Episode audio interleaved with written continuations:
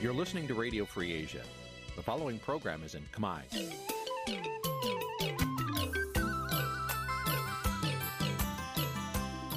នេះជាកម្មវិធីផ្សាយ Vuthu Azizi Serai នេះជាកម្មវិធីផ្សាយរបស់ Vuthu Azizi Serai ជាភាសាខ្មែរ Vuthu Azizi Serai សូមស្វាគមន៍លោកអ្នកនាងទាំងអស់ពីរដ្ឋធានី Washington នៃសហរដ្ឋអាមេរិក បាទពីរដ្ឋធានី Washington ខ្ញុំបាទសេកបណ្ឌិតសូមជម្រាបសួរអស់លោកអ្នកស្ដាប់ទាំងអស់ជាទីមេត្រី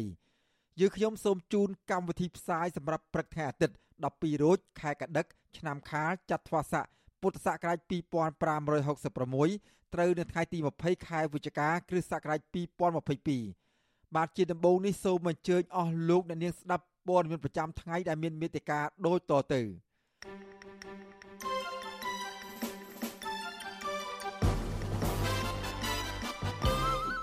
កូនកូនរបស់សកម្មជនបកប្រឆាំងភៀសខ្លួននៅថៃបាត់បង់ឱកាសរៀនសូត្រ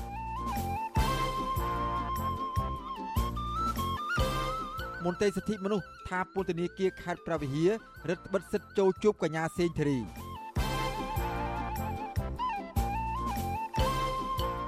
មន្ត្រីក្រសួងការពារជាតិសហរដ្ឋអាមេរិកនឹងធ្វើទស្សនកិច្ចនៅកម្ពុជា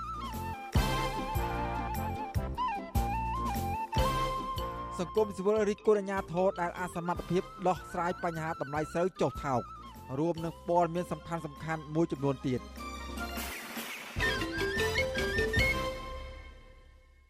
ជាបន្តទៅទៀតនេះខ្ញុំបាទសេកបណ្ឌិតសូមជូនព័ត៌មានពិស្ដា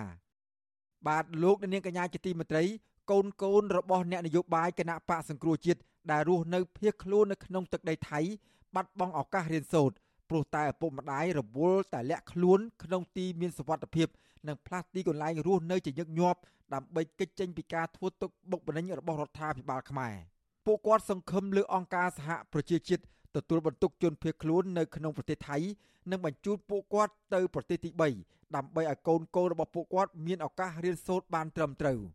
បាទពីរដ្ឋធានីវ៉ាស៊ីនតោនលោកយុនសមៀនរាយការណ៍ជុំវិញព័ត៌មាននេះ សកម្មជនគណៈបកសង្គ្រោះជាតិដែលកំពុងរស់នៅលាក់ខ្លួននៅក្នុងប្រទេសថៃមិនហ៊ានបញ្ជូនកូនចៅទៅរៀននោះទេព្រោះបារម្ភពីសវត្ថិភាព និងដោយសារតែបញ្ហាសេដ្ឋកិច្ចគ្រួសារពួកគាត់រងចាំអង្គការសហប្រជាជាតិទទួលបន្ទុកជនភៀសខ្លួនបញ្ជូនទៅរស់នៅប្រទេសទី3ដើម្បីឲ្យកូនបានរៀនទៀងទាត់ លោកដួងចន្ទ្រាអនុប្រធានគណៈបកសង្គ្រោះជាតិនៅខេត្តកំពង់ឆ្នាំងដែលរស់នៅភៀសខ្លួននៅក្នុងប្រទេសថៃ5ឆ្នាំមកហើយនិងមានកូន4នាក់ក្នុងបន្ទុកប្រាប់វិទ្យុអេស៊ីសេរីកាលពីថ្ងៃទី19ខែវិច្ឆិកាថា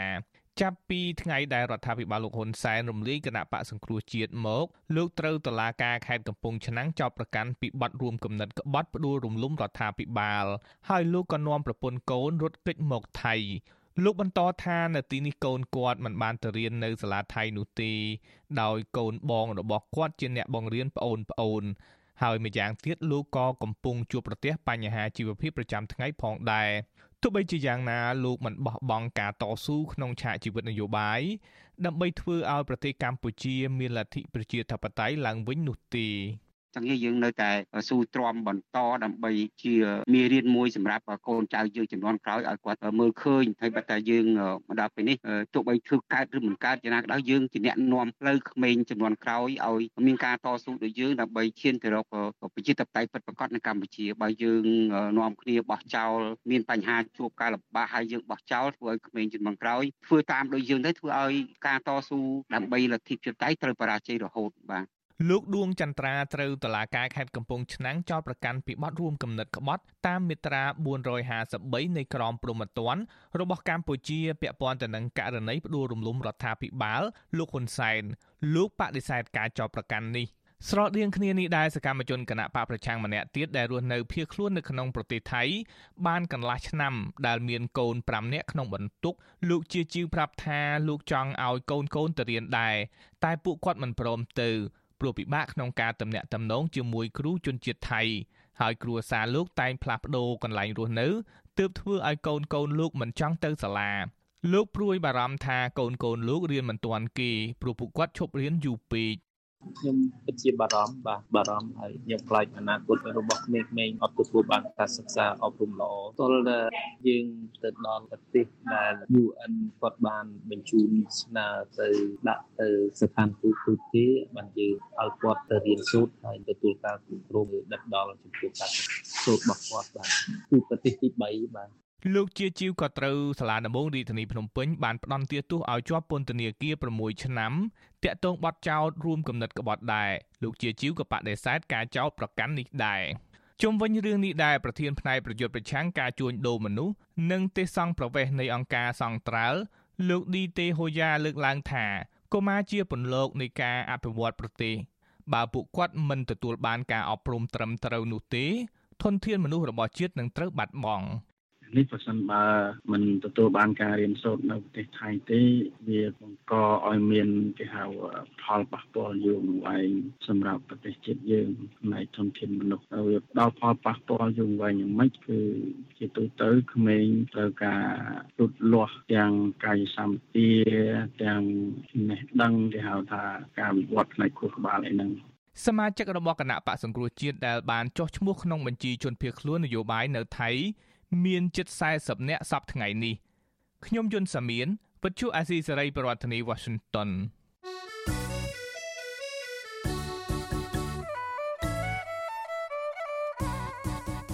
បាទលោកអ្នកនាងកញ្ញាជាទីមេត្រី ដំណើរគ្នានឹងស្ដាប់ការផ្សាយរបស់វិទ្យុអាស៊ីសេរីតាមបណ្ដាញសង្គម Facebook និង YouTube លោកអ្នកនាងក៏អាចស្ដាប់កម្មវិធីផ្សាយរបស់វិទ្យុអាស៊ីសេរីតាមរយៈរលកធាតុអាកាសខ្លីឬ Shortwave តាមកម្រិតនិងកម្ពស់ដូចតទៅនេះពេលព្រឹកចាប់ពីម៉ោង5កន្លះដល់ម៉ោង6កន្លះតាមរយៈរលកធាតុអាកាសខ្លី9390 kHz ស្មើនឹងកម្ពស់ 32m និង11850 kHz ស្មើនឹងកម្ពស់ 25m ពេលយប់ចាប់ពីម៉ោង7កន្លះដល់ម៉ោង8កន្លះតាមរយៈរលកធាតុអាកាសខ្លី9390 kHz ស្មើនឹងកម្ពស់ 32m 15155 kHz ស្មើនឹងកម្ពស់ 20m និង11885 kHz ស្មើនឹងកម្ពស់ 20m បាទសូមអរគុណ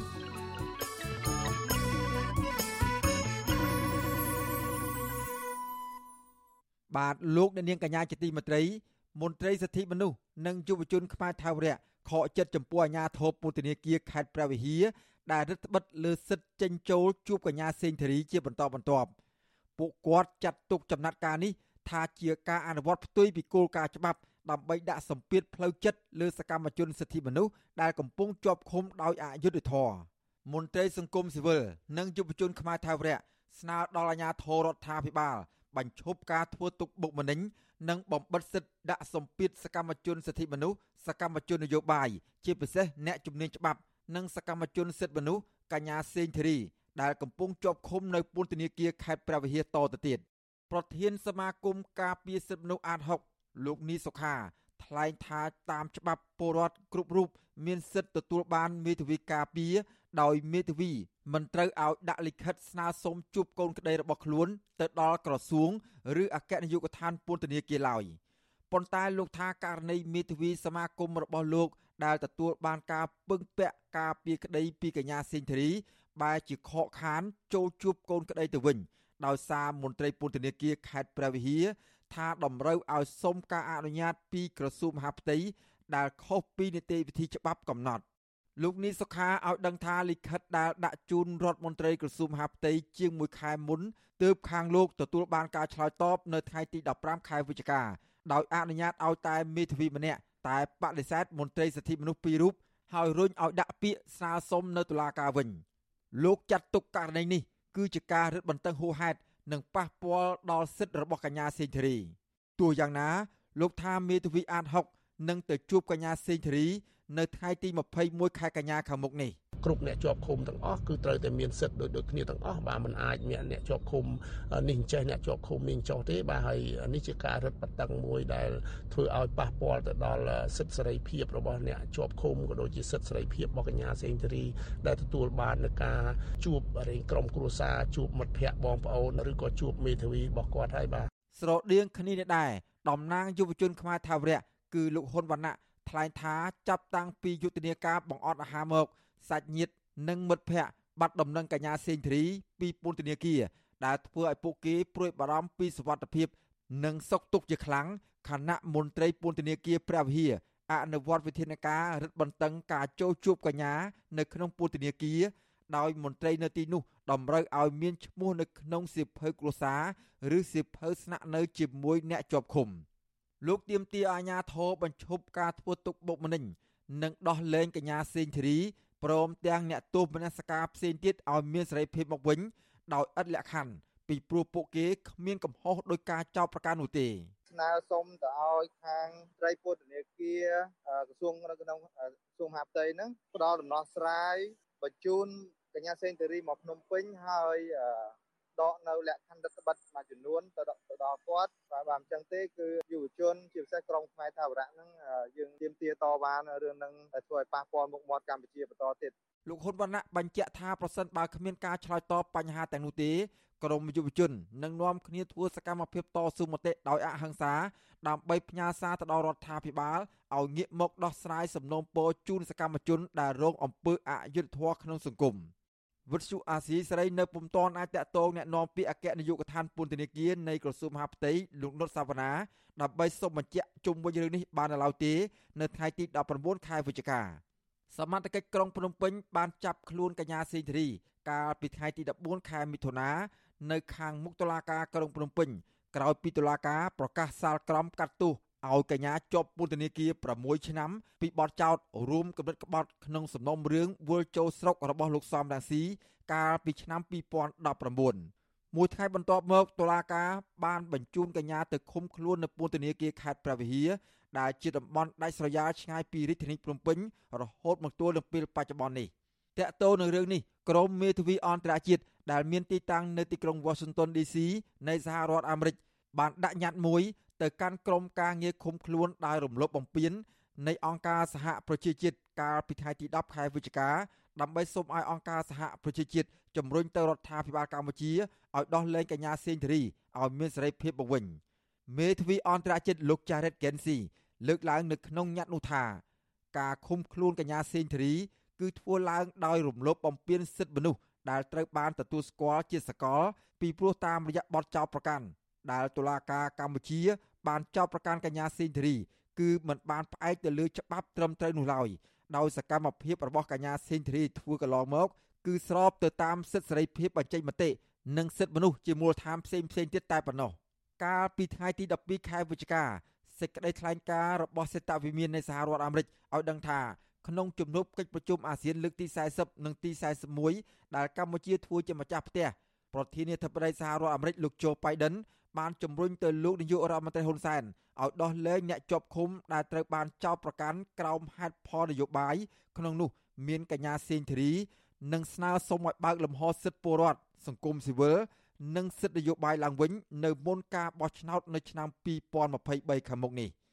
ជាមួយគ្នានេះអគ្គលេខាធិការអង្គការសហប្រជាជាតិលោកអាន់តូនីញ៉ូហ្គូតេរ៉េសដែលបានមកចូលរួមកិច្ចប្រជុំកំពូលអាស៊ាននិងអង្គការសហប្រជាជាតិ ក៏អំពាវនាវដល់រដ្ឋាភិបាលកម្ពុជាឲ្យបើកលំហសិទ្ធិសេរីភាពជាមូលដ្ឋានរបស់ប្រជាពលរដ្ឋនិងការពារសកម្មជនសិទ្ធិមនុស្សសកម្មជនបរិស្ថានដើម្បីឲ្យពួកគេចូលរួមធ្វើសកម្មភាពក្នុងសង្គមឲ្យបានទូលំទូលាយឡើងវិញ។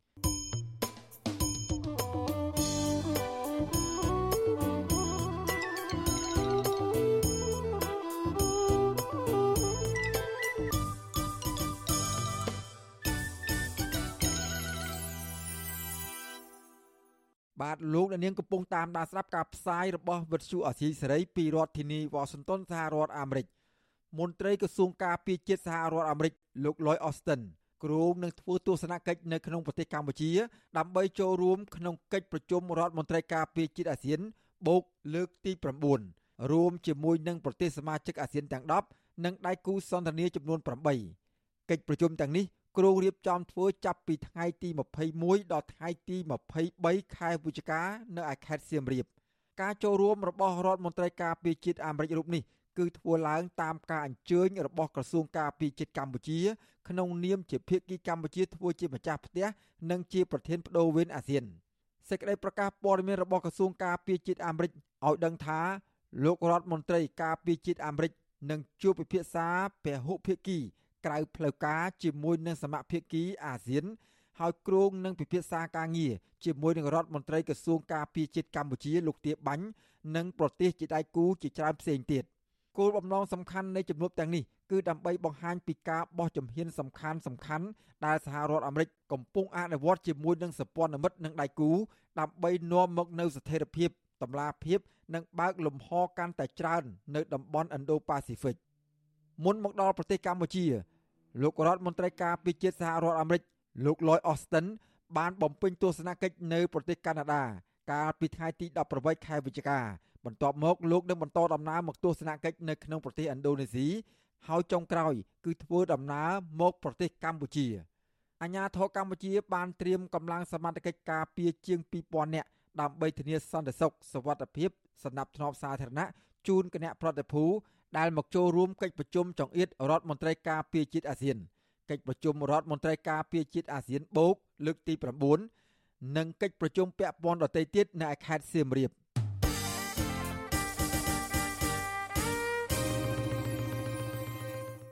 បាទលោកនាងកញ្ញាជាទីមេត្រីពាក់ព័ន្ធនឹងទំនាក់ទំនងរវាងកម្ពុជានិងប្រទេសចិនឯនោះវិញ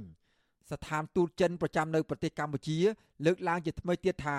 ចិន និងកម្ពុជាបញ្ញារិទ្ធបន្តឹងចំណងមិត្តភាពឥតងារេនិងបន្តពង្រឹងការជឿទុកចិត្តគ្នាទៅវិញទៅមកលើផ្នែកនយោបាយដើម្បីកសាងសហគមន៍រួមអ្នកតាមដានស្ថានភាពនយោបាយនៅកម្ពុជាព្រួយបារម្ភថា កម្ពុជានឹងប្រឈមបាត់បង់ឯករាជ្យភាពដោយសារតែរដ្ឋាភិបាលប្រឹងប្រែងបង្កើនទំនាក់ទំនងជាមួយនឹងប្រទេសចិនកុម្មុយនីសកាន់តែស៊ីជម្រៅ គណៈភាគីនៃប្រទេសទាំងពីរមិនទាន់ជំរះមន្ទិលសង្ស័យអំពីការដាក់មូលដ្ឋានកងទ័ពចិននៅកម្ពុជានៅឡើយបាទពីរដ្ឋធានីវ៉ាស៊ីនតោនលោកជាតិចំណានរាយការណ៍ជុំវិញព័ត៌មាននេះក្រោយពីបញ្ចប់ដំណើរទស្សនកិច្ចនិងជំនួបទ្វេភាគីរវាងលោកនាយករដ្ឋមន្ត្រីចិនលីខឺឈៀងជាមួយនឹងលោកនាយករដ្ឋមន្ត្រីហ៊ុនសែនក្នុងឱកាសកិច្ចប្រជុំកំពូលអាស៊ានស្ថានទូតចិនប្រចាំកម្ពុជាប្រកាសថាភាគីចិននិងកម្ពុជាបានសម្រេចចុះកិច្ចព្រមព្រៀងលើកិច្ចសហប្រតិបត្តិការជាច្រើន ក្នុងគោលបំណងរឹតចំណងក្នុងនាមជាមិត្តដៃថែបលិខិតជំហររបស់ស្ថានទូតចិនប្រចាំកម្ពុជាចេញផ្សាយកាលពីថ្ងៃទី18ខែវិច្ឆិកាឲ្យដឹងថាក្នុងជំនួបទ្វេភាគីរវាងលោកលីខឺឈៀងនិងលោកហ៊ុនសែនភាគីទាំងពីរបានពិភាក្សាគ្នាយ៉ាងស៊ីជម្រៅទាក់ទងទៅនឹងការរឹតចំណងមិត្តភាពជាប្រពៃណីការលើកកម្ពស់កិច្ចសហប្រតិបត្តិការជាក់ស្ដែងបញ្ហាអន្តរជាតិនិងក្នុងតំបន់ដែលជាកង្វល់រួមលើពីនេះភាគីចិននិងកម្ពុជានឹងបន្តពង្រឹងការជឿទុកចិត្តគ្នាទៅវិញទៅមកទៅលើផ្នែកនយោបាយ ដើម្បីចាក់ឫសជ្រៅក្នុងក្រអៅបេះដូងប្រជាជននិងការកសាងសហគមន៍រួមមន្ត្រីជាន់ខ្ពស់នៃគណៈបកសង្គ្រោះជាតិលោកអ៊ុំសំអានប្រាប់វិសុអស៊ីសេរីថាជំហរនយោបាយការទូតរបស់រដ្ឋាភិបាលលោកហ៊ុនសែនពេលនេះហាក់កំពុងធ្លាក់ក្នុងអន្ទាក់នយោបាយប្រទេសចិនដែលធ្វើឲ្យកម្ពុជាប្រឈមការបាត់បង់អធិបតេយ្យជាតិនិងថែមទាំងអាចប្រឈមរងទណ្ឌកម្មសេដ្ឋកិច្ចពីបណ្ដាប្រទេសលោកសេរីថែមទៀតលោកអ៊ុំសំអានបន្ថែមថាការប្រកាសរដ្ឋចំណងមិត្តភាពកម្ពុជាចិនដែលឥតងាករានេះគឺឆ្លុះបញ្ចាំងឲ្យឃើញថាប្រទេសចិនកាន់តែមានឥទ្ធិពលកាន់តែខ្លាំងឡើង ក្នុងការប្រើប្រាស់កម្ពុជាតាមរយៈរដ្ឋាភិបាលលោកហ៊ុនសែនធ្វើជាឧបករណ៍ដើម្បីបំពេញមហិច្ឆតារបស់ខ្លួន។នៅពេលដែលកម្ពុជាមិនរក្សាជំហរអព្យាក្រឹតពេលហ្នឹងយើងដឹងហើយយើងនឹងបាត់ផលប្រយោជន៍ពីការជួយអភិវឌ្ឍប្រទេសកម្ពុជាយើងពីសំណាក់លោកខាងលិចទាំងផ្នែកជំនួយទាំងកម្ចីប្រទេសលោកខាងលិចយើងបានតែមួយចំនួនតូចពីប្រទេសចិនយើងមិនអាច គ្រប់គ្រាន់សម្រាប់អភិវឌ្ឍសេដ្ឋកិច្ចនៅប្រទេសកម្ពុជាយើងនោះទេហើយនៅពេលដែលកម្ពុជាខ្លាយជាកូនបំណុលរបស់ចិនចិននឹងអាចរឹបអូសយកកំពង់ផែរបស់កម្ពុជាដោយនៅប្រទេសស្រីលង្កាដែលជាពាក់លុយចិនចិនរឹបអូសយកកំពង់ផែនោះជាកម្មសិទ្ធិរបស់ខ្លួនដូច្នេះកម្ពុជានឹងក្លាយទៅជាអាណានិគមនិយមបែបថ្មីរបស់ចិននៅកម្ពុជា នៅពេលដែលកម្ពុជាអបអសបចិនដើម្បីការពារអំណាចផ្ដាច់ការតវងតកោរបស់លោកហ៊ុនសែន វិសុអាស៊ីសេរីមិនអាចតាក់ទងស្ថានទូតចិនប្រចាំកម្ពុជានិងប្រធានអង្គភិបអ្នកនាំពាក្យរដ្ឋាភិបាលលោកផៃស៊ីផានដើម្បីសូមអត្ថាធិប្បាយឆ្លើយតបទៅនឹងការលើកឡើងនេះបានទេនៅថ្ងៃទី19ខែវិច្ឆិកាលិខិតចំហរបស់ស្ថានទូតចិនបញ្ជាក់ថាភាគីចិននៅកម្ពុជានឹងពន្លឿនកសាងសហគមន៍រួមតាមរយៈការចុះហត្ថលេខាលើផែនការសកម្មនិងបន្តរដ្ឋចំណងមិត្តភាពដែលឥតងាករេជាងនេះទៅទៀតភាគីចិននៅកម្ពុជាក៏បន្តពង្រឹងកិច្ចសហប្រតិបត្តិការទៅលើវិស័យការពារជាតិ ការបង្ក្រាបអំពើជួញដូរមនុស្សបទល្មើសឆបោកនិងបទអក្រិតនានាស្ថានទូតចិនអះអាងថាចិនបានលើកកម្ពស់កិច្ចសហប្រតិបត្តិការផលិតកម្មពន្លឿនគម្រោងអាកាសយានដ្ឋានអន្តរជាតិសៀមរាបអង្គរថ្មីគម្រោងខ្សែកាបអុបតិចបាតសមុទ្រក្នុងខេត្តប្រសេអនុនិងកែលម្អហេដ្ឋារចនាសម្ព័ន្ធនៅកម្ពុជាជាដើមមុនកម្ពុជាបើកកិច្ចប្រជុំកំពូលអាស៊ានលោកហ៊ុនសែនបានទទួលជំនួបទ្វេភាគីជាមួយលោកលីខឺឈៀងដោយភាគីទាំងពីរបញ្ជាក់ថានឹងប្រើប្រាស់ឲ្យអស់សក្តានុពលនៃយន្តការផ្លាស់ប្ដូរ និងកិច្ចសហប្រតិបត្តិការយោធាដោយបង្កើនទំនាក់ទំនងរវាងស្ថាប័នការងារជាតិនិងយោធាគ្រប់កម្រិតនៃប្រទេសទាំងពីរតាមរយៈការបណ្ដុះបណ្ដាលការវឹកហាត់រួមគ្នាផ្ដល់បរិខាយោធាបច្ចេកទេសសេវាកម្មសុខាភិបាលនិងផ្នែកសន្តិសុខពហុភាគីទីប្រឹក្សានៃគណៈកម្មាធិការដើម្បីការបោះឆ្នោតដោយសេរីនិងយុត្តិធម៌នៅកម្ពុជាដែលហៅកាត់ថា Confrel លោកគុលបញ្ញាលើកឡើងថាការប្រកាសរបស់លោកហ៊ុនសែនថាអនុវត្តគោលនយោបាយជាក្រិតនោះគ្រាន់តែជាការបង្ហាញរូបភាពតែប៉ុណ្ណោះប៉ុន្តែការអនុវត្តជាក់ស្ដែងលោកហ៊ុនសែន ទំនងមិនងាយដកខ្លួនក្នុងការចាប់យកចិនធ្វើជាក្នុងបង្អែកបាននោះឡើយ។ របៀបចំហរបស់ចិនគឺថាគ្រប់គ្រងឬក៏ចង់បានរបៀបកាន់អំណាចបែបបច្ចុប្បន្នឯងមកពីសហរដ្ឋអាមេរិកសហរដ្ឋអាមេរិកគេចង់ឲ្យរដ្ឋាភិបាលមួយចេញភាពស្របច្បាប់ចេញពីដំណើរការបោះឆ្នោតមួយត្រឹមត្រូវមាននីតិរដ្ឋព្រោះរដ្ឋាភិបាលវាមិនអាចទៅលើបកមួយទៅលើអ្នកកាន់អំណាចមួយនឹងរហូតបានទេគឺថាត្រូវប្រើយន្តការជាតិបតៃអញ្ចឹងសហរដ្ឋអាមេរិកគឺគោលការណ៍របស់គេគឺថាច្បាស់គឺថាគេយកគោលការណ៍ជាតិបតៃគេមិនអាចថាគេដាក់ទៅចាប់ទៅបកមួយមេដឹកនាំមួយទេប៉ុន្តែចិនគឺថាច្បាស់គាត់ចង់បានបែបហ្នឹងគាត់ចង់ការដឹកនាំបែបអ្នកកម្មអំណាចមួយចឹងទៅបាក់មួយចឹងទៅដើម្បីស្ថិរភាពនៅក្នុងរឿងបញ្ហាការងារតំណែងជាមួយគាត់ក្រោយពីរដ្ឋាភិបាលឯកបៈលោកហ៊ុនសែនបានកោះរំលើងគ្រឹះប្រជាធិបតេយ្យកាលពីឆ្នាំ2017មករដ្ឋាភិបាលរបស់លោកបានទទួលរងទណ្ឌកម្មសេដ្ឋកិច្ចជាបន្តបន្ទាប់ដោយសារតែបញ្ហារំលោភសិទ្ធិមនុស្សបន្ទាប់ពីរងទណ្ឌកម្មសេដ្ឋកិច្ចពីសហគមន៍អន្តរជាតិបន្តិចម្ដងបន្តិចម្ដងលោកហ៊ុនសែនក៏បានស្រវាទៅពឹងពាក់ចិនស្ទើរគ្រប់វិស័យក្នុងនោះរួមមានវិស័យពាណិជ្ជកម្ម អប់រំការវិនិយោគវិស័យសុខាភិបាលនិងពង្រឹងលើផ្នែកវិស័យយោធាជាដើមមិនត្រឹមតែប៉ុណ្ណោះរដ្ឋាភិបាលលោកហ៊ុនសែនក៏រងការចោទប្រកាន់ថាបានលួចចុះកិច្ចព្រមព្រៀងសម្ងាត់ជាមួយនឹងប្រទេសចិនកុម្មុយនីសដើម្បីអនុញ្ញាតឲ្យកងទ័ពចិនបោះទីតាំងឈរជើងនៅលើទឹកដីខ្មែរគណៈសហរដ្ឋអាមេរិកបានដាស់តឿនរដ្ឋាភិបាលលោកហ៊ុនសែនម្ដងហើយម្ដងទៀតថាវត្តមានកងទ័ពចិននៅមូលដ្ឋានទ័ពជើងទឹករៀមនឹងប្រឆាំងរដ្ឋធម្មនុញ្ញរបស់កម្ពុជាព្រមទាំងធ្វើឲ្យប៉ះពាល់ដល់សន្តិសុខតំបន់ទាំងមូល ខ្ញុំបាទជាចំណាន Visual Assisray ប្រធានាទី Washington បាទលោកនាងកញ្ញាជាទីមេត្រីពាក់ព័ន្ធនឹងទំនាក់ទំនងស៊ីជម្រៅរវាងកម្ពុជានិងប្រទេសចិនកុម្មុយនីសនេះដែរអ្នកជំនាញភូមិសាស្ត្រនយោបាយនិងអ្នកវិភាគលើកឡើងថាការឆ្លើយតបរបស់ចិន និងកម្ពុជាក្នុងរឿងធ្វើទំនើបកម្មកំពង់ផែរៀមនឹងនៅតែមិនទាន់អាចធ្វើឲ្យភាគីសហរដ្ឋអាមេរិកទុកចិត្តបាននៅឡើយបាទលោកនាងនឹងបានស្ដាប់សេចក្តីរាយការណ៍ពិស្ដារអំពីរឿងនេះនាពេលបន្តិចទៀត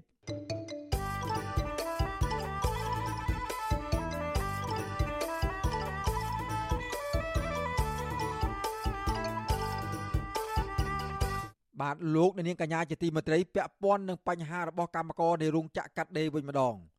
ក្រុមកម្មកររោងចក្រ Kentren Apparel Cambodia បន្តដាក់វេនគ្នាយាមរោងចក្រដើម្បីទាមទារឲ្យថៅកែរោងចក្រផ្ដល់សំណងជំងឺចិត្តដល់ពួកគេមន្ត្រីសហជីពយល់ថាបញ្ហាចម្បងដែលអាជ្ញាធរមិនជំរុញឲ្យថៅកែរោងចក្រសងជំងឺចិត្តនិងលុយអត្ថប្រយោជន៍ផ្សេងផ្សេងទៀតនោះគឺបណ្ដាលមកពីអំពើពុករលួយជាប្រព័ន្ធបាទពីរដ្ឋធានីវ៉ាស៊ីនតោន លោកយ៉ងច័ន្ទរារាយការណ៍ជុំវិញព័ត៌មាននេះក្រុមកម្មកររោងចក្រ Kenteren Apparel ជាង100នាក់បន្តយាមរោងចក្រទាំងថ្ងៃទាំងយប់ដើម្បីកុំឲ្យថៅកែរោងចក្រដឹកសម្ភារៈចេញពីរោងចក្រក្រុមកម្មករបានដាក់វេនគ្នាដេកយាមរោងចក្រដែលមានបោះតង់នៅបរិវេណរោងចក្រហើយពួកគេតែងតែជួបជុំគ្នានៅថ្ងៃសៅរ៍និងថ្ងៃអាទិត្យតំណាងក្រុមកម្មករលោកស្រីសាន់សុផាប្រាប់វិទ្យុអាស៊ីសេរីថាកាលពីអំឡុងពេលបន់ភ្ជុំបិណ្ឌកន្លងទៅ ក្រុមអាជ្ញាធរបានចុះរុះរើតង់របស់ក្រុមកម្មករចេញហើយក្រោយមកក្រុមកម្មករបានបោះតង់ដេកយាមរោងចក្រឡើងវិញរហូតមកដល់សប្តាហ៍ថ្ងៃនេះនៅក្នុងនោះក្រុមរបស់លោកស្រីបានដាក់វេនគ្នាដេកយាមនៅក្នុងបរិវេណរោងចក្រជាង10នាក់ជារៀងរាល់យប់លោកស្រីបញ្ជាក់ថាក្រុមកម្មករនៅតែបន្តការតវ៉ាទាមទារឲ្យថៅកែរោងចក្រលោកយ៉ាប់ហ្វុងកុងទូទាត់ប្រាក់ជូនដំណឹងពេលបិទរោងចក្រនិងប្រាក់ជំងឺចិត្តដល់ក្រុមកម្មករ ខ្ញុំនៅតែអំពាវនាវឲ្យអំពាវនាវទៀតដល់ប្រមុខរាជរដ្ឋាភិបាលសូមឲ្យលោកជួយធ្វើម៉េចជំរុញឲ្យថៅកែដែលគាត់មិនមែនទៅនៅណាទេថៅកែនៅទីនេះទេសូមឲ្យគាត់ជំរុញថៅកែដោះស្រាយធ្វើម៉េចបានពីចំណុចឲ្យពួកខ្ញុំទៀតទៅដែលសារពួកខ្ញុំទាមទារអ្វីអត់មានឲ្យលើសពីច្បាប់ទេរោងចក្រ Kenteren Apparel មានទីតាំងនៅខណ្ឌពោធិ៍សែនជ័យរាជធានីភ្នំពេញរោងចក្រនេះមានកម្មករជាង300នាក់ត្រូវបានថៅកែបិទទ្វាររត់ចោលកាលពីថ្ងៃទី9ខែឧសភាកន្លងទៅដោយមិនបានទូទាត់ប្រាក់ខែចុងក្រោយ និងប្រាក់ឧបត្ថម្ភផ្សេងផ្សេងដល់កម្មករនោះឡើយក្រុមកម្មករបានធ្វើបាតកម្មនិងដេកយាមមុខរោងចក្រកុំឲ្យម្ចាស់រោងចក្រយកសម្ភារៈចេញពីរោងចក្រដើម្បីទាមទារប្រាក់ខែចុងក្រោយ និងប្រាក់អត្ថប្រយោជន៍ផ្សេងផ្សេងក៏ប៉ុន្តែក្រោយពីមានបញ្ជាពីលោកហ៊ុនសែនកាលពីថ្ងៃទី18ខែសីហាឲ្យក្រសួងដោះស្រាយវិវាទការងារនេះក្រសួងការងារមិនបានឲ្យថៅកែសងប្រាក់សំណងជំងឺចិត្តនិងប្រាក់ជូនដំណឹងតាមអតីតភាពរបស់កម្មករនោះឡើយ តំណាងកម្មករបានលើកឡើងថាក្រុមកម្មករមិនពេញចិត្តទទួលយកប្រាក់បរិយាប្រទានរបស់រដ្ឋាភិបាលនោះឡើយពីព្រោះប្រាក់សំណងនេះតិចតួចណាស់នៅក្នុងនោះកម្មករខ្លះបានយំពីព្រោះពួកគេបានធ្វើការ8ឆ្នាំឬ9ឆ្នាំហើយក៏ប៉ុន្តែទទួលបានប្រាក់សំណងត្រឹមតែ300ដុល្លារហើយកម្មករមួយចំនួនទៀតគ្មានឈ្មោះទទួលប្រាក់សំណងតែម្ដងកម្មករអះអាងថាថៅកែរោងចក្រមួយនេះបែរជាទៅធ្វើការនៅរោងចក្រថ្មីមួយទៀតឈ្មោះ Quality ដែលមានទីតាំងនៅក្បែររោងចក្រនេះវិញវិទ្យុអាស៊ីសេរីមិនអាចតាក់ទងแนะនាំពាក្យក្រសួងការងារលោកហេងសួរនិងថៅកែរោងចក្រ Kenteran Apparel លោកយ៉ាប់ហ្វុងកុងដើម្បីសាកសួររឿងនេះបានទេកាលពីថ្ងៃទី19វិច្ឆិកាក៏ប៉ុន្តែអ្នកនាំពាក្យគណៈកម្មាធិការសិទ្ធិមនុស្សរបស់រដ្ឋាភិបាលលោកកតាអូនអះអាងថាកន្លងទៅក្រសួងការងារក៏បានជំរុញឲ្យថៅកែរោងចក្រ Kenteran Apparel បំពេញកាតព្វកិច្ចរបស់ខ្លួនទៅតាមច្បាប់ការងារដែរ ហើយបញ្ហារបស់កម្មកររោងចក្រនេះកំពុងស្ថិតនៅក្នុងដំណាក់កាលដោះស្រាយនៅឡើយ។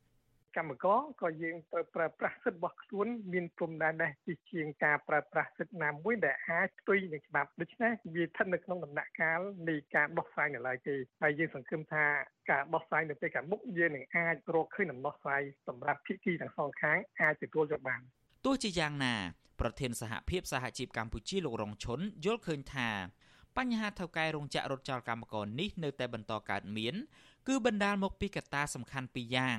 គឺថៅកែរោងចក្រចង់ទទួលបានការអនុគ្រោះពន្ធ1%ពីរដ្ឋាភិបាល នៅក្នុងរយៈពេល5ឆ្នាំ នៅពេលទៅបើកដំណើរការរោងចក្រថ្មីនិងកិច្ចវេះមិនចង់ផ្ដល់ប្រាក់អត្ថប្រយោជន៍ផ្សេងផ្សេងដល់ក្រុមកម្មករដែលមានអតីតភាពការងារនិងកម្មប្រាក់បៀវត្សខ្ពស់ព្រោះពួកគេបានធ្វើការជាយូរឆ្នាំ លោករងឈុនបន្ថែមថាមូលហេតុដែលក្រុមអាជ្ញាធរមិនព្រមជំរុញឬមានវិធានការផ្លូវច្បាប់ទៅលើថៅកែរោងចក្រដែលរំលោភលើច្បាប់ស្តីពីការងារដោយករណីរោងចក្រ Kenteran Apparel នេះគឺបណ្ដាលមកពីបញ្ហាអំពើពុករលួយជាប្រព័ន្ធនៅក្នុងប្រទេសកម្ពុជាយើងដឹងហើយនយោជកមានលុយចឹងឲ្យលុយទៅធ្វើអ្វីបានស្រេចទៅចិត្តឬមួយនយោជកហ្នឹងបើក ដៃឲ្យគេថាអ្នកដែលមានអំណាចឥទ្ធិពលហ្នឹងមានហ៊ុនខ្យល់នៅក្នុងនឹងជាមួយទៅចែកផលចំណេញទៅតាមនឹងទៅអញ្ចឹងអាអ្នកដែលមានអំណាចមានឥទ្ធិពលហ្នឹងគេការពារឲ្យរោងចក្រហ្នឹងហើយដូច្នេះច្បាប់គ្រាន់តែមាននៅក្នុងតែសិភៅតែការអនុវត្តសូន្យអញ្ចឹងកម្មករនៅតែរងទុក្ខអវេទនាដដែលមន្ត្រីអង្គការសង្គមស៊ីវិលលើកឡើងថា ការដែលថៅកែរោងចក្រនៅតែអាចគេចវេះមិនព្រមទូទាត់ប្រាក់អត្ថប្រយោជន៍ផ្សេងផ្សេងដល់កម្មករនេះគឺបង្ហាញពីភាពអសមត្ថភាពរបស់ក្រសួងពាក់ព័ន្ធនៅក្នុងការកិត្តគូលើកកម្ពស់សិទ្ធិការងារនៅកម្ពុជា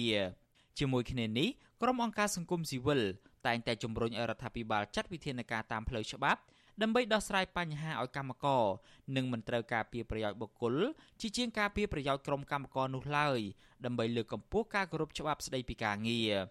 ក្រុមកម្មករ Kenteran Apparel លើកឡើងថាពួកគេនឹងនៅតែបន្តដេកយាមរោងចក្រទាំងថ្ងៃទាំងយប់ដោយគ្មានថ្ងៃកំណត់រហូតទទួលបានប្រាក់សំណងផ្សេងផ្សេងស្របទៅតាមច្បាប់ការងារខ្ញុំយ៉ងច័ន្ទដារាវិទ្យុអាស៊ីសេរីរាយការណ៍ពីរដ្ឋធានី Washington បាទលោកអ្នកនាងកញ្ញាជាទីមេត្រីពាក់ព័ន្ធនឹងតម្លៃស្រូវរបស់កសិករឯនោះវិញសង្គមស៊ីវិលរិះគន់អាជ្ញាធរនិងក្រសួងពាក់ព័ន្ធដែលអាចសមត្ថភាពដោះស្រាយបញ្ហាតម្លៃស្រូវចុះថោក ក៏ប៉ុន្តែបែរជាហាមឃាត់មិនអោយប្រជាកសិករនិយាយអំពីបញ្ហានេះទៅវិញពួកគេស្នើសុំអាជ្ញាធរគួរតែដោះស្រាយបញ្ហានេះដោយកំណត់តម្លៃស្រូវលើទីផ្សារឲ្យបានច្បាស់លាស់បាទពីរដ្ឋធានី Washington លោកយុនសមៀនមានសេចក្តីរាយការណ៍មួយទៀតជុំវិញបញ្ហានេះមន្ត្រីអង្គការសង្គមស៊ីវិលរិះគន់អាជ្ញាធរនិងក្រសួងពាក់ព័ន្ធថាខ្វះការទទួលខុសត្រូវដោះស្រាយបញ្ហាជូនកសិករបន្ទាប់ពីតម្លៃស្រូវនៅតែធ្លាក់ចុះ ការរិះគន់នេះធ្វើឡើងបន្ទាប់ពីក្រសួងកសិកម្មកាលពីថ្ងៃទី15វិច្ឆិកាបានហាមកុំឲ្យពលរដ្ឋបង្ហោះឬចែករំលែកព័ត៌មានបញ្ហាស្រូវចុះថោក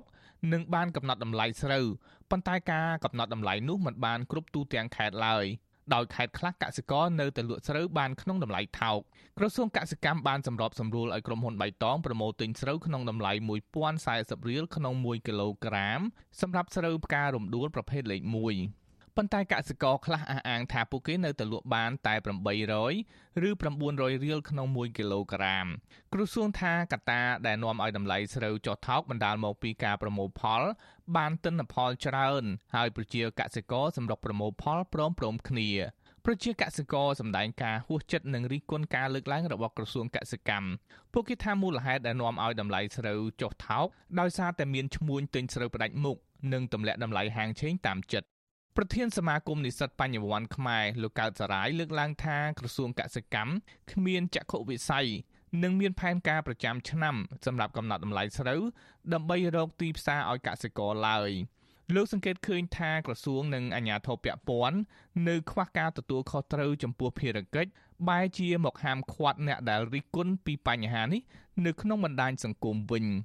លោកថាក្រសួងកសិកម្មគួរចំណាយពេលវេលារិះរោចដំណោះស្រាយសម្រាប់ប្រជាកសិករជាជាងប្រើប្រាស់អំណាចរបស់ខ្លួនគម្រាមកំហែងដល់អ្នកប្រើប្រាស់សិទ្ធិបញ្ចេញមតិ មកដល់ពេលនេះក្រសួងមិនដែលបានបង្ហាញពីយន្តការមួយជាក់លាក់ឬក៏ផែនការយុទ្ធសាស្ត្រណាក្នុងការធានាដល់តម្លៃស្រូវរបស់ប្រជាកសិករទេតែនៅពេលដែលមានបញ្ហាទុកអាបញ្ហានោះតតែរដ្ឋាភិបាលជាពិសេសលោកនាយករដ្ឋមន្ត្រីស្រែកទៅមានចោះទិញតិចតួចអីចឹងទៅដើម្បីកុំឲ្យមានសម្លេងប្រជាកសិករនឹងត្អូញត្អែហើយរឿងនោះវាដដែលដដែលទេវាអត់ទៅណាសោះ ស្នងការនគរបាលខេត្តបន្ទាយមានជ័យកាលពីថ្ងៃទី18ខែវិច្ឆិកាបានកោះហៅមន្ត្រីសាលាស្រុកស្វាយជ័យម្នាក់មកផ្តិតមេដៃសុំទោសដោយចោទប្រកាន់ថាលោកបាននិយាយញុះញង់និងជេរប្រមាថអាជ្ញាធរបន្ទាប់ពីមន្ត្រីរូបនេះ បាន live វីដេអូតាមបណ្ដាញសង្គម Facebook រិះគន់មន្ត្រីស្រុកនោះថាគ្មានសមត្ថភាពរកទីផ្សារលក់កសិផលឲ្យប្រជាពលរដ្ឋ ប្រជាកសិករចាត់ទុកទង្វើនេះថាជាការចង់បំបាក់ស្មារតីប្រជាពលរដ្ឋមិនឲ្យនិយាយរិះគន់តម្លៃកសិផល ដែលបន្តចុះថោកជាច្រើនឆ្នាំកន្លងមកនេះជុំវិញរឿងតម្លៃស្រូវចុះថោកនេះដែរសមាជិកក្រុមប្រឹក្សាអភិបាលរបស់អង្គការសាមគ្គីកសិករកម្ពុជាលោកឌីគុន្ធាមានប្រសាសន៍ថាអាញាធរត្រូវសម្របសម្រួលឲ្យប្រជាកសិករចងក្រងគ្នាជាសហគមន៍នៅតាមមូលដ្ឋាន ដើម្បីកុំឲ្យឈ្មួញកណ្ដាលទម្លាក់តម្លៃកសិផលតាមចិត្ត ចឹងមិនប្រកាសថាអ្វីដែលរដ្ឋាភិបាលចេញមុខថាតម្លៃស្រូវក្អូបណាអាចមានតម្លៃពីចន្លោះ1000 1100រៀលហ្នឹងអាចគិតថាលើកទឹកចិត្តកសិករឲ្យបន្តការផលិតទេពីព្រោះជួនកាលតម្លៃប៉ុណ្ណឹងវាអត់រួចថ្លៃដើមរបស់គាត់អាថ្លៃដើមចំណាយរបស់គាត់វាខ្ពស់ធៀបចូលកសិកម្មសម្ភារៈកសិកម្មហ្នឹងវាមានតម្លៃខ្ពស់ពេក បញ្ហាតម្លៃកសិផលធ្លាក់ចុះនេះបានកើតឡើងជាច្រើនឆ្នាំមកហើយប្រជាពលរដ្ឋនិងសង្គមស៊ីវិលថាការធ្លាក់ចុះតម្លៃស្រូវនេះដោយសារតែរដ្ឋាភិបាលខ្វះសមត្ថភាពដោះស្រាយបញ្ហា រួមមានរោគទីផ្សារជូនកសិករនិងការទប់ស្កាត់កសិផលពីក្រៅប្រទេសចូលមកទីផ្សារនៅក្នុងស្រុកជាដើមខ្ញុំយុនសាមៀនវិទ្យុអាស៊ីសេរីប្រធានាធិបតី Washington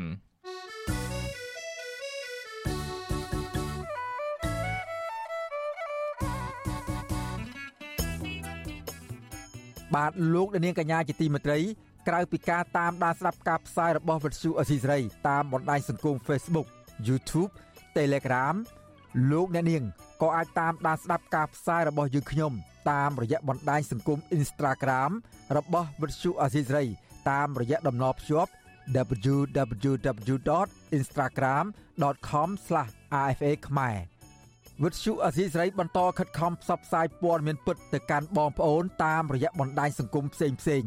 និងសម្បូរបែបដើម្បីលោកដានាងងាយស្រួលតាមដានការផ្សាយរបស់វិទ្យុអសីស្រីគ្រប់ពេលវេលា និងគ្រប់ទីកន្លែង តាមរយៈទូរស័ព្ទរបស់អស់លោកដានាង បាទសូមអរគុណ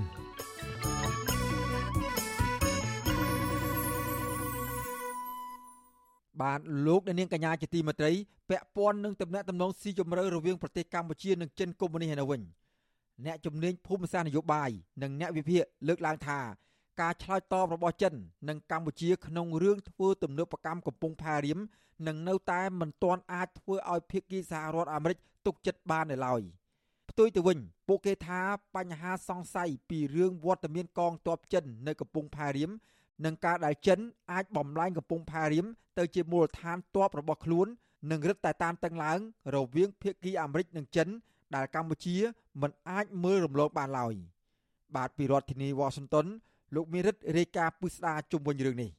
រឿងរ៉ាវសង្ស័យពីវត្តមានកងទ័ពចិននៅកំពង់ផែរៀមនិងការដែលចិនអាចបំលែងកំពង់ផែនេះទៅជាមូលដ្ឋានកងទ័ពនៅក្រៅប្រទេសទី2របស់ខ្លួន បានកើតមានឡើងសារជាថ្មីស្របពេលដែលកម្ពុជាកំពុងរៀបចំកិច្ចប្រជុំកំពូលអាស៊ានប្រធានាធិបតីអាមេរិកលោក Joe Biden បានលើកឡើងពីកង្វល់ទាំងនេះនៅក្នុងជំនួបទ្វេភាគីដ៏កម្រមួយមិនធ្លាប់មានពីមុនមកជាមួយលោកនាយរដ្ឋមន្ត្រីហ៊ុនសែនកាលពីថ្ងៃទី12ខែវិច្ឆិកាស្របពេលដែលលោកមកចូលរួមកិច្ចប្រជុំកំពូលអាស៊ាននៅកម្ពុជាពីថ្ងៃក្រោយមក ភាគីចិនបានចេញមុខមកឆ្លើយតបតាមរយៈអ្នកនាំពាក្យក្រសួងការបរទេសរបស់ខ្លួន ដោយអះអាងថាចិនជួយកម្ពុជាកែលម្អកំពង់ផែកងទ័ពជើងទឹករៀមនេះគឺជារឿងធម្មតានិងមិនដាក់គោលដៅប្រឆាំងភាគីទី3ណាមួយឡើយសាស្ថាបនិកវិទ្យាស្ថានប្រជាធិបតេយ្យកម្ពុជានិងជាអ្នកជំនាញភូមិសាស្ត្រនយោបាយបណ្ឌិតរវណ្ណៈពន្យល់ប្រាវិសុយស៊ីស្រីថា ការបកស្រាយទាំងសំណាក់ពីភាគីចិន និងភាគីកម្ពុជាខ្លួនឯងមិនអាចធ្វើឲ្យសហរដ្ឋអាមេរិកទុកចិត្តបានឡើយខណៈរឿងនេះលោកថាពាក់ព័ន្ធទៅនឹងកត្តាភូមិសាស្ត្រនយោបាយនិងការប្រកួតប្រជែងអំណាចរវាងសហរដ្ឋអាមេរិកនិងប្រទេសចិននៅក្នុងតំបន់នេះសហរដ្ឋអាមេរិកមើលឃើញថាចិនគឺជាដៃគូប្រជែងឥទ្ធិពលនិងផលប្រយោជន៍របស់អាមេរិកសំខាន់នៅក្នុងតំបន់អញ្ចឹងវត្តមាននៃឥទ្ធិពលយោធារបស់ចិន នៅក្នុងតំបន់ណាក្នុងប្រទេសណាក៏ដោយវាជាការគម្រាមកំហែងទៅដល់ទូនីតិទៅដល់ផលប្រយោជន៍របស់អាមេរិកសម្ព័ន្ធមិត្តរបស់អាមេរិកនិងដៃគូយុទ្ធសាស្ត្ររបស់អាមេរិកបើយើងនិយាយពីដៃគូយុទ្ធសាស្ត្ររបស់អាមេរិកនៅអាស៊ីអាគ្នេយ៍គឺវៀតណាមនឹងហើយអញ្ចឹងវៀតណាមគឺជាដៃគូយុទ្ធសាស្ត្ររបស់អាមេរិកហើយបើសិនជាលទ្ធភាពនៃវត្តមានយោធារបស់ចិនមានមែននៅក្នុងប្រទេសកម្ពុជាវាជាការគម្រាមកំហែងទៅដល់សន្តិសុខរបស់តំបន់ឬក៏របស់ដៃគូយុទ្ធសាស្ត្រហ្នឹង រីឯអ្នកវិភាគនយោបាយឥតសំចាយមាត់ដែលបច្ចុប្បន្នកំពុងរស់នៅភៀសខ្លួននៅប្រទេសហ្វាំងឡង់ដើម្បីគេចចេញពីការតាមធ្វើទុកបុកម្នេញពីសំណាក់រដ្ឋាភិបាលលោកនាយរដ្ឋមន្ត្រីហ៊ុនសែនគឺលោកកឹមសុខលោកមើលឃើញថារឿងរ៉ាវសមុទ្ររៀមនេះនឹងរឹតតែមានការប្រឈមមុខដាក់គ្នាកាន់តែខ្លាំងរវាងភាគីសហរដ្ឋអាមេរិកនិងភាគីចិនបើតាមលោកកឹមសុខ មូលហេតុមួយនោះគឺដោយសារតែនារយៈពេលចុងក្រោយនេះកម្ពុជាបានឈានទៅចុះកិច្ចសហប្រតិបត្តិការយោធានិងសន្តិសុខជាជំហរជាមួយប្រទេសចិនភាពច្បាស់លាស់មួយនៅត្រង់ថាពីមុនវត្តមានកងទ័ពចិននៅលើទឹកដីកម្ពុជាគ្រាន់តែជាការសង្ស័យទេប៉ុន្តែមកដល់ពេលនេះរដ្ឋាភិបាលចិននិងរដ្ឋាភិបាលលោកហ៊ុនសែនរហូតទៅដល់ប្រកាសជាចំហ អំពីការចុះកិច្ចព្រមព្រៀងសហប្រតិបត្តិការកងទ័ពនៃរដ្ឋាភិបាលទាំងពីរតែម្ដងមិនដែលមានពីមុនមកទេ មានន័យថារដ្ឋាភិបាលលោកហ៊ុនសែននិងរដ្ឋាភិបាលចិនកាន់តែបង្ហាញជាចំហនិងស៊ីជម្រៅនៅអ្វីដែលជាសហប្រតិបត្តិការនៃកងទ័ពរដ្ឋាភិបាលទាំងពីរ កម្ពុជានិងចិននៅក្នុងដំណើរទស្សនកិច្ចផ្លូវការរបស់នាយករដ្ឋមន្ត្រីចិនលោកលីខឺឈៀងមកកាន់កម្ពុជានៅមុនពេលកិច្ចប្រជុំកំពូលអាស៊ាន បានចុះកិច្ចព្រមព្រៀងជាច្រើននៅក្នុងនោះភាគីទាំងពីរបានឯកភាពថានឹងពន្លឿនកសាងសហគមន៍វាសនារួមកម្ពុជាចិន ដោយសន្យាថានឹងប្រើប្រាស់ឲ្យអស់នៅសក្តានុពល នៅយន្តការនៃការផ្លាស់ប្តូរនិងកិច្ចសហប្រតិបត្តិការយោធា ដោយបង្កើនទំនាក់ទំនងរវាងស្ថាប័នការពារជាតិនិងយោធាគ្រប់កម្រិតនៃប្រទេសទាំងពីរតាមរយៈកិច្ចសហប្រតិបត្តិការជាក់ស្ដែងដូចជាការបណ្ដុះបណ្ដាលនិងការហ្វឹកហាត់រួមគ្នាការផ្ដល់បរិក្ខារយោធាបច្ចេកវិទ្យាសេវាសុខាភិបាល Logistics និងសន្តិសុខពហុភាគីលោកកឹមសុខ មើលឃើញថាការប្រកាសជាចំហបែបនេះសហរដ្ឋអាមេរិកទំនងជាមិនអាចទទួលយកបាននោះឡើយហើយរដ្ឋាភិបាលចិនដឹងថាក្រុមរបស់លោកហ៊ុនសែនកំពុងជាប់អន្ទាក់មិនអាចរើខ្លួនរួចកម្ពុជានិងសាធារណរដ្ឋចិន បានបើកការដ្ឋានគម្រោងធ្វើទំនើបកម្មកំពង់ផែកងទ័ពជើងទឹករៀមកាលពីថ្ងៃទី8ខែមិថុនា គម្រោងរយៈពេល2ឆ្នាំនេះគឺជាជំនួយឥតសំណងរបស់រដ្ឋាភិបាលចិនដល់កងទ័ពជើងទឹកកម្ពុជាក៏ប៉ុន្តែទាំងភៀកគីកម្ពុជា និងទាំងភៀកគីចិនពុំបានលាតត្រដាងឲ្យដឹងពីចំនួនទឹកប្រាក់ជាក់លាក់នៃជំនួយយោធានេះទេគម្រោងនេះមានដូចជាការសាងសង់រោងជាងជួសជុលនាវា ផែសម្ចតនិងស្ដារឃ្លោងជាដើមហើយត្រូវបានអនុវត្តដោយក្រុមហ៊ុនគ្រប់គ្រងដោយរដ្ឋអំណាចចិនមួយឈ្មោះថា Metallurgical Group Corporation ដែលបានចុះកិច្ចព្រមព្រៀងជាមួយរដ្ឋាភិបាលកម្ពុជា តាំងពីឆ្នាំ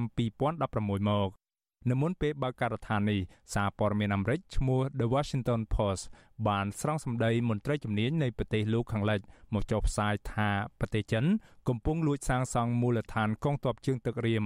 ដោយសម្ងាត់នៅកម្ពុជា សម្រាប់បម្រើឲ្យវិស័យយោធាផ្ដាច់មុខ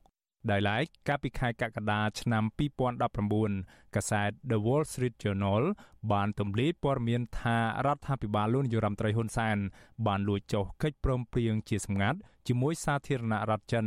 ដែលអនុញ្ញាតឲ្យកងទ័ពនៃប្រទេសនេះអាចប្រើប្រាស់កំពង់ផែកងទ័ពជើងទឹករៀមដោយផ្ដាច់មុខរហូតដល់រយៈពេល30ឆ្នាំហើយកិច្ចព្រមព្រៀងនេះអាចបន្តរៀងរាល់10ឆ្នាំម្ដងអ្នកនាំពាក្យផ្លូវការនៃកិច្ចប្រជុំកំពូលអាស៊ានលោកគង់ភោគ កាលពីថ្ងៃទី12ខែវិច្ឆិកាបានបកស្រាយថារាល់ការពន្យល់របស់កម្ពុជានឹងការអនុញ្ញាតឲ្យទៅមើលដល់ទីតាំងកំពង់ផែរៀមដោយផ្ទាល់សម្រាប់ភៀកគីអាមេរិកនិងប្រទេសពាក់ព័ន្ធគួរតែគ្រប់គ្រាន់សម្រាប់ប្រទេសទាំងនោះវាតម្លៃដោយយុត្តិធម៌សម្រាប់កម្ពុជាយើងមិនដែលមានការលាក់បាំងអីទេតាមពិតទៅយើងអនុញ្ញាតឲ្យសេនាធិព័ន្ធយោធារបស់សហរដ្ឋអាមេរិកទៅមើលទីតាំងនោះទៅទៀតសូម្បីតែស្ថានទូតរបស់បរទេសមួយចំនួនក៏បានអនុញ្ញាតឲ្យទៅមើលនៅទីតាំងនោះផងដែរឧទាហរណ៍ដូចជាទូតរបស់អូស្ត្រាលីជាដើមតាមពិតរាល់ជំហានទាំងអស់នេះគឺមិនធ្លាប់មានទេសម្រាប់ប្រទេសមួយចំនួនផ្សេងទៀតពីព្រោះនេះគឺជាអធិបតេយ្យភាពឯករាជ្យភាពនយោបាយរបស់ប្រទេសមួយប៉ុន្តែដើម្បីបង្ហាញអំពីភាពស្មោះត្រង់របស់យើងថាយើងអត់មានអីលាក់បាំងទេតម្លាភាពរបស់យើងគឺយើងអនុញ្ញាតឲ្យទៅមើលទាំងអស់ដូច្នេះយើងសង្ឃឹមថាដៃគូរបស់យើងក៏ផ្ដល់សច្ចភាពឲ្យយើងវិញដែរទោះជាយ៉ាងណា កាលពីពេលកន្លងទៅ មន្ត្រីអនុព័ន្ធយោធាសហរដ្ឋអាមេរិកធ្លាប់លើកឡើងថាកម្ពុជាបានព្យាយាមបិទបាំងមិនអនុញ្ញាតឲ្យខ្លួនអាចទៅមើលទីតាំងគ្រប់កន្លែងនៅមូលដ្ឋានកងទ័ពជើងទឹករៀមបាននោះទេអ្នកជំនាញវិជាសាស្ត្រនយោបាយបណ្ឌិតរវណ្ណៈយល់ថារឿងរ៉ាវចម្រូងចម្រាសនៅកំពង់ផែកងទ័ពជើងទឹករៀមនេះ នឹងមិនងាយដាច់ស្រេចឡើយដរាបណាកម្ពុជាបង្ហាញដំណាភាពបែបស្រពេចស្រពិលលោកថាកម្ពុជាគួរព្យាយាមសម្របសម្រួល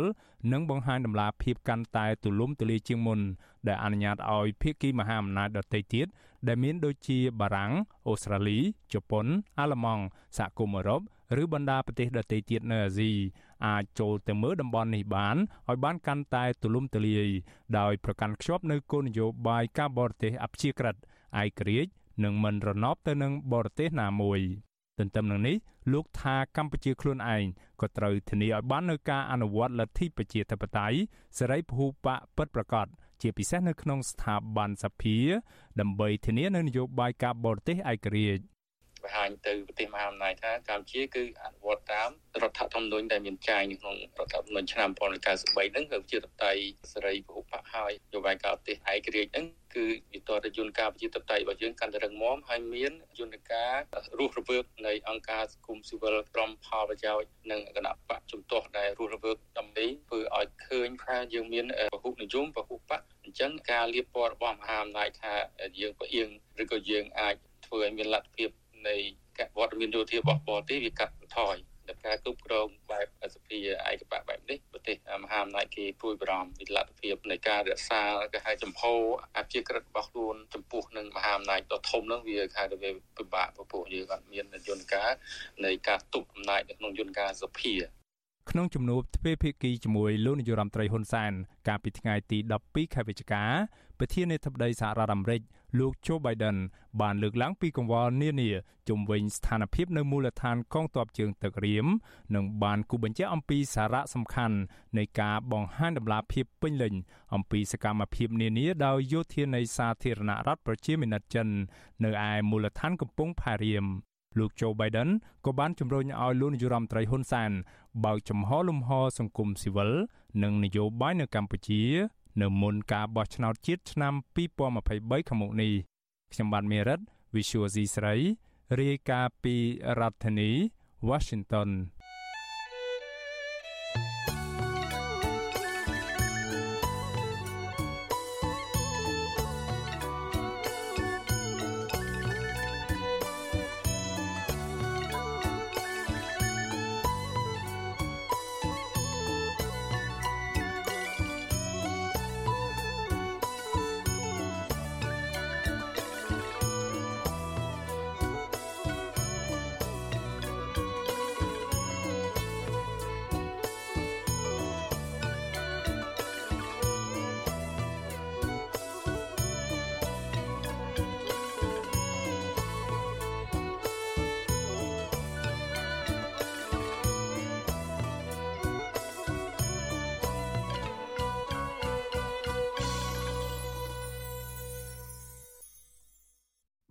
លោកអ្នកនាងកញ្ញាជាទីមេត្រី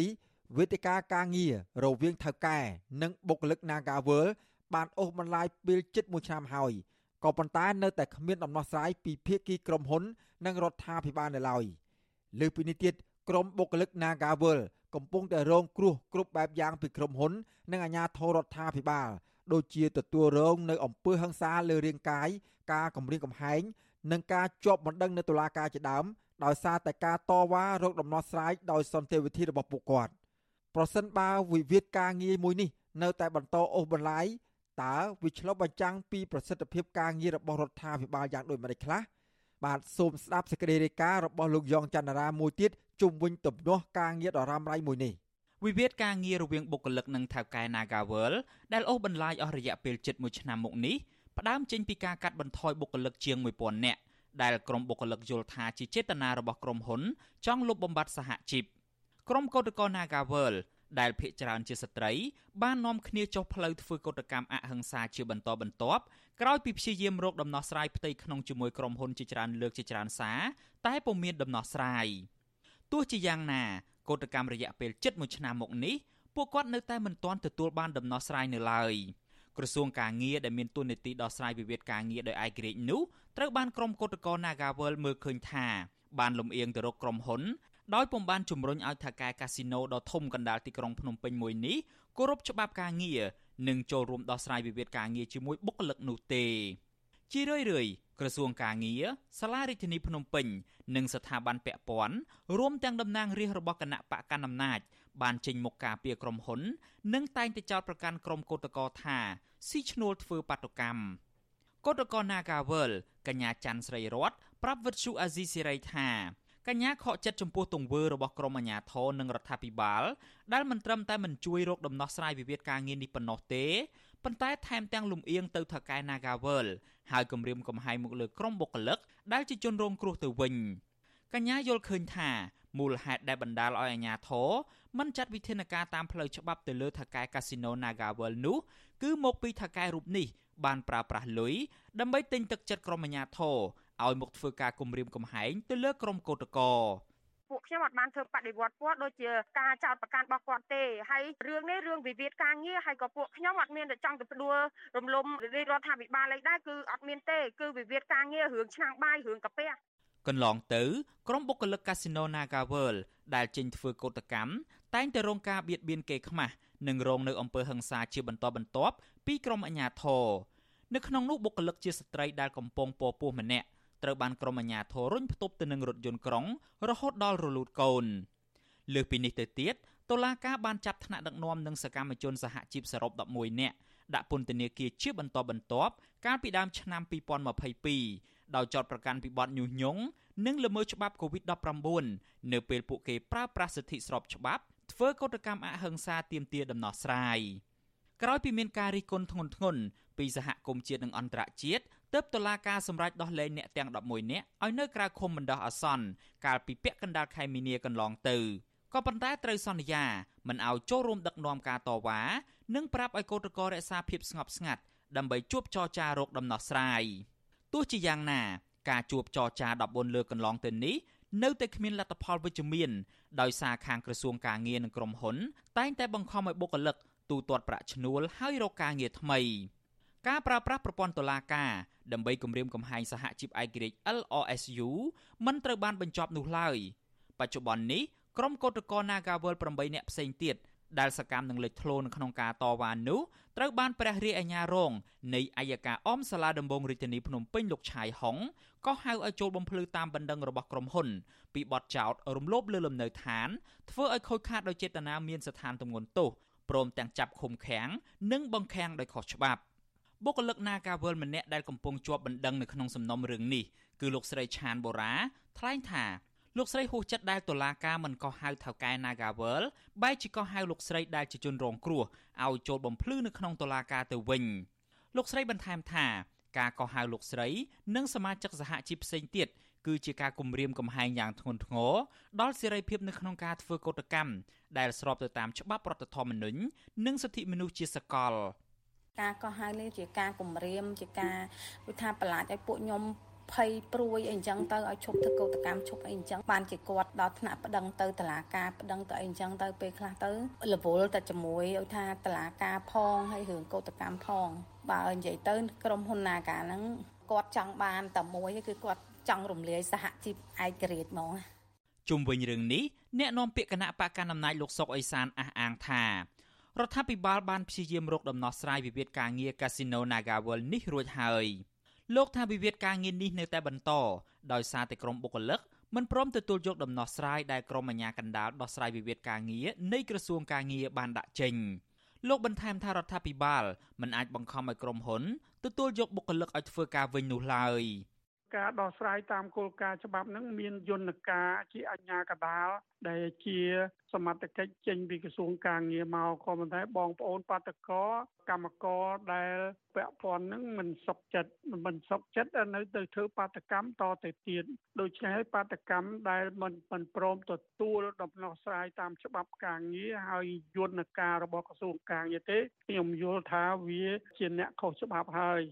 ទោះជាយ៉ាងណា គឧតកោ Nagawal កញ្ញាសៀកបញ្ញាចាត់ទុកការលើកឡើងនេះថាគ្រាន់តែជាការបំភ្លៃព័ត៌មានតែប៉ុណ្ណោះកញ្ញាបញ្ជាក់ថាការចេញតវ៉ារបស់ក្រុមបុគ្គលិក Nagawal រហូតមកនោះគឺជាការធ្វើកុតកម្មដោយអហិង្សានិងស្របតាមច្បាប់ហើយកន្លងទៅតំណាងក្រសួងការងារមិនបានជំរុញឲ្យថៅកែ Nagawal គោរពច្បាប់ការងារឡើយ។គាត់មានតែ ដាក់បន្ទុកហៅតែកម្មករខ្មែរឲ្យទៅទៅទៅយកទទួលយកកញ្ចប់សំណងឲ្យតការណាកាវប្រជុំទាំងខុសច្បាប់ហើយនឹងគុណលុយឲ្យតាមត្រូវច្បាប់ការងារនេះសួរថានឹងមិនមែនជាដំណោះស្រាយផលគាត់ដែលគាត់ខំព្យាយាមប្រាប់ប្រជាពលរដ្ឋខ្មែរកម្មករខ្មែរថាគាត់ប្រឹងណាស់ប្រឹងណាស់គាត់ប្រឹងមែនក្រសួងការងារនិងស្ថាប័នពាក់ព័ន្ធរបស់គាត់ទាំងអស់គាត់ប្រឹងមែនរាល់ថ្ងៃគឺប្រឹងលៀបពណ៌ចេញសារលិខិតគម្រាមកំហែងចាប់ចងចាប់ចោតពួកយើងដាក់គុកហ្នឹងវិទ្យុអាស៊ីសេរីមិនអាចតាក់ទងតំណាងកាស៊ីណូ Naga World កញ្ញាឌីសីហាដើម្បីបកស្រាយរឿងនេះបានទេកាលពីថ្ងៃទី18ខែវិច្ឆិកា ដោយទូរស័ព្ទចូល តែពុំមានអ្នកទទួលជុំវិញរឿងនេះប្រធានសហព័ន្ធសហជីពចំណីអាហារនិងសេវាកម្មកម្ពុជា អ្នកស្រីឧទេផលីនមានប្រសាសន៍ថាការមិនមានអន្តរាគមពីរដ្ឋាភិបាល នៅក្នុងការជួយដោះស្រាយវិវាទការងារ Nagawal នេះមិនត្រឹមតែឆ្លោះបញ្ចាំងអំពីភាពទន់ខ្សោយរបស់រដ្ឋាភិបាលនៅក្នុងការលើកកម្ពស់សិទ្ធិការងារតែប៉ុណ្ណោះទេក៏ប៉ុន្តែក៏ឆ្លោះបញ្ចាំងថារដ្ឋាភិបាលបានគ្រប់គ្រងដល់ការរំលោភសិទ្ធិការងារ របស់ថៅកែទៅលើនយោជិតផងដែរតាំងពីដើមមិនមែនត្រឹមតែចោទថាបាតកម្មទៀតគាត់ចោទថាបដិវត្តពណ៌ផងបើយើងមើលថាគេព្យាយាមបំបាក់ស្មារតីរបស់កម្មករយោជិតហើយក៏ព្យាយាមបំបាក់ស្មារតីកម្មករផ្សេងទៀតនៅក្នុងវិស័យផ្សេងទៀតហ្នឹងអត់ហ៊ានឲ្យប្រើប្រាស់សិទ្ធិខ្លួនឯងគេចង់ប្រាប់ថាឃើញតែណែឯងងើបឈរឡើងទៀមទាសិទ្ធិអីហ្នឹងឃើញលទ្ធផលគឺជាប់គុកអញ្ចឹង គេចង់ឲ្យកម្មករយោជិកហ្នឹងបាក់ស្បាតហើយអត់ហ៊ានធ្វើការទៀមទាអីទេព្រោះគេយកគុកយកច្បាក់យកមកគម្រាមចំណែកអ្នកវិភាគផ្នែកច្បាប់លោកវ៉ាន់ចាន់ឡូតវិញលោកយល់ថាវិវាទការងារដ៏រ៉ាំរ៉ៃរវាងបុគ្គលិកនិងថៅកែកាស៊ីណូ Naga World នេះធ្វើឲ្យរដ្ឋាភិបាលកម្ពុជា បាក់មុខមាត់មិនត្រឹមតែនៅក្នុងប្រទេសនោះទេក៏ប៉ុន្តែក៏ប៉ះពាល់ដល់កិត្តិយសប្រទេសជាតិនៅកម្រិតអន្តរជាតិផងដែរ ពីព្រោះតែបញ្ហានេះបានបង្ហាញពីភាពទន់ខ្សោយរបស់រដ្ឋាភិបាលនៅក្នុងការជំរុញឲ្យមានការគោរពច្បាប់ ជាពិសេសគឺច្បាប់ការងារនេះតែម្ដងលោកយល់ថាបញ្ហាចម្បងដែលធ្វើឲ្យថៅកែក្រុមហ៊ុន Nagaworld មិនព្រមដោះស្រាយវិវាទការងារនេះជាមួយក្រុមបុគ្គលិកនោះគឺបណ្ដាលមកពីក្រុមអាជ្ញាធរបានទទួលប្រយោជន៍ពីថៅកែកាស៊ីណូ ជាអាញាធរហើយព្យាយាមលំអៀងទៅកាន់អ្នកដែលមានលុយឬក៏ទៅកាន់ថៅកែខ្ញុំគិតថាมันត្រឹមតែมันអាចដោះស្រាយបញ្ហាជូនចំពោះជាបរដ្ឋបានទេ គឺរត់តែធ្វើឲ្យបញ្ហាហ្នឹងវាកាន់តែកើតមានឡើងពីមួយកន្លែងទៅមួយកន្លែងហើយក្នុងនោះគឺខ្ញុំគិតថារដ្ឋាភិបាលនឹងត្រូវប្រឈមទៅនឹងសកម្មភាពនៃការមិនពេញចិត្តពីប្រជាពលរដ្ឋហ្នឹងជាតបតបមិនចេះអស់មិនចេះហើយទេ វិវាទការងាររវាងបុគ្គលិកនិងថៅកែ Nagawal មិនត្រឹមតែបង្ហាញពីភាពទន់ខ្សោយផ្នែកនីតិរដ្ឋនិងការប្រើប្រាស់តុលាការដើម្បីគំរាមកំហែងប្រជាពលរដ្ឋប៉ុណ្ណោះទេក៏ប៉ុន្តែវិវាទនេះក៏បង្ហាញពីភាពអសកម្មរបស់អ្នកតំណាងរាស្ត្របកកណ្ដាលអំណាចផងដែរចាប់តាំងពីមានការធ្វើកោតកម្មកន្លងមកគេមិនដែលឃើញតំណាងរាស្ត្រចុះទៅតាមដានឬមួយក៏យកចិត្តទុកដាក់ទៅលើក្រុមកោតក្រម្ដងណាឡើយខណៈក្រុមបុគ្គលិក Nagawal តែងតែធ្វើកោតកម្មនៅក្បែររបងរដ្ឋសភាស្ទើរតែជារៀងរាល់ថ្ងៃសហជីពត្រួតត្រងសិទ្ធិការងារបុគ្គលិកកម្មករខ្មែរនៃក្រុមហ៊ុន Casino NagaWorld បានគូបញ្ជាក់នៅក្នុងសេចក្តីថ្លែងការណ៍កាលពីពេលកន្លងទៅថាការប្រើប្រាស់តុលាការមិនមែនជាដំណោះស្រាយពិតប្រាកដដែលធ្វើឲ្យកោតកោបោះបង់ការទៀមទាសិទ្ធិការងារនិងយុត្តិធម៌នៅកន្លែងការងារនោះឡើយ ផ្ទុយទៅវិញករណីនេះកាន់តែបង្ហាញពីការរំលោភសិទ្ធិការងារធ្ងន់ធ្ងរនៅក្នុងប្រទេសកម្ពុជាគ្រប់ទម្រង់សហជីពដដែលនេះអំពាវនាវឲ្យក្រុមហ៊ុនងាកមកគោរពសេរីភាពសហជីពនិងសិទ្ធិការងាររបស់ក្រុមបុគ្គលិកដែលបានរួមចំណែកយ៉ាងខ្លាំងធ្វើឲ្យក្រុមហ៊ុនរីកចម្រើន រហូតមកដល់ពេលបច្ចុប្បន្ននេះខ្ញុំយ៉ងច័ន្ទដារាវិទ្យុអាស៊ីសេរីរាយការណ៍ពីរដ្ឋធានី Washington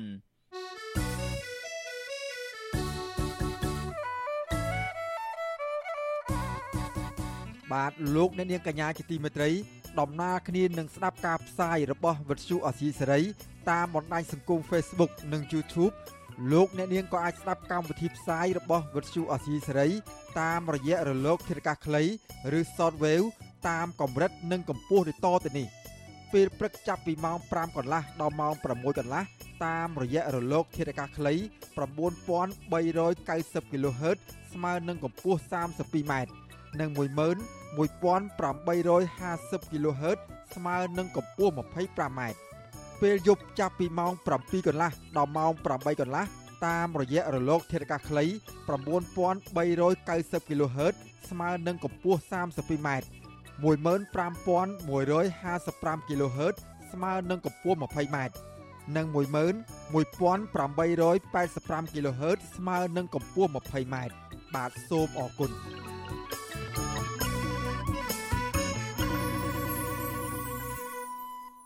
បាទលោកអ្នកនាងកំពុងតាមដានស្ដាប់ការផ្សាយរបស់វិទ្យុអាស៊ីសេរីពីរដ្ឋធានីវ៉ាស៊ីនតោនសហរដ្ឋអាមេរិក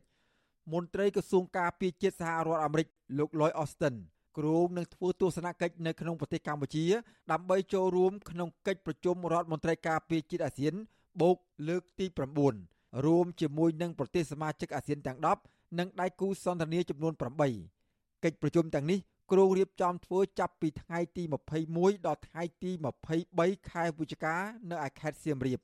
ការចូលរួមរបស់រដ្ឋមន្ត្រីការពារជាតិអាមេរិករូបនេះគឺធ្វើឡើងតាមការអញ្ជើញរបស់ក្រសួងការពារជាតិកម្ពុជា ក្នុងនាមជាភាគីកម្ពុជាធ្វើជាម្ចាស់ផ្ទះនិងជាប្រធានបដូវវេនអាស៊ានសេចក្តីប្រកាសព័ត៌មានរបស់ក្រសួងការពារជាតិអាមេរិកឲ្យដឹងថាលោករដ្ឋមន្ត្រីការពារជាតិអាមេរិកនឹងជួបពិភាក្សាពហុភាគី ក្រៅផ្លូវការជាមួយនឹងសមាភិកីអាស៊ាន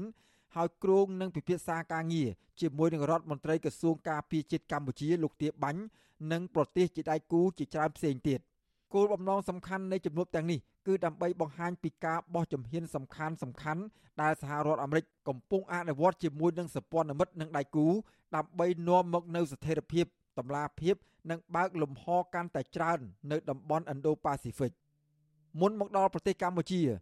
លោករដ្ឋមន្ត្រីការពារជាតិសហរដ្ឋអាមេរិកលោក Lloyd Austin បានបំពេញទស្សនកិច្ចនៅប្រទេសកាណាដាកាលពីថ្ងៃទី18ខែវិច្ឆិកាបន្ទាប់មកលោកនឹងបន្តដំណើរមកទស្សនកិច្ចនៅក្នុងប្រទេសឥណ្ឌូនេស៊ីហើយចុងក្រោយគឺធ្វើដំណើរមកប្រទេសកម្ពុជាអាជ្ញាធរកម្ពុជា បានត្រៀមកម្លាំងសមត្ថកិច្ចការពារជាង2000នាក់ដើម្បីធានាសន្តិសុខសวัสดิភាពសម្រាប់ធ្នាប់សាធារណៈជូនគណៈប្រតិភូ ដែលមកចូលរួមកិច្ចប្រជុំចង្អៀតរដ្ឋមន្ត្រីការពារជាតិអាស៊ានកិច្ចប្រជុំរដ្ឋមន្ត្រីការពារជាតិអាស៊ានបូកលើកទី9និងកិច្ចប្រជុំពាក់ព័ន្ធដទៃទៀតនៅខេត្តសៀមរាប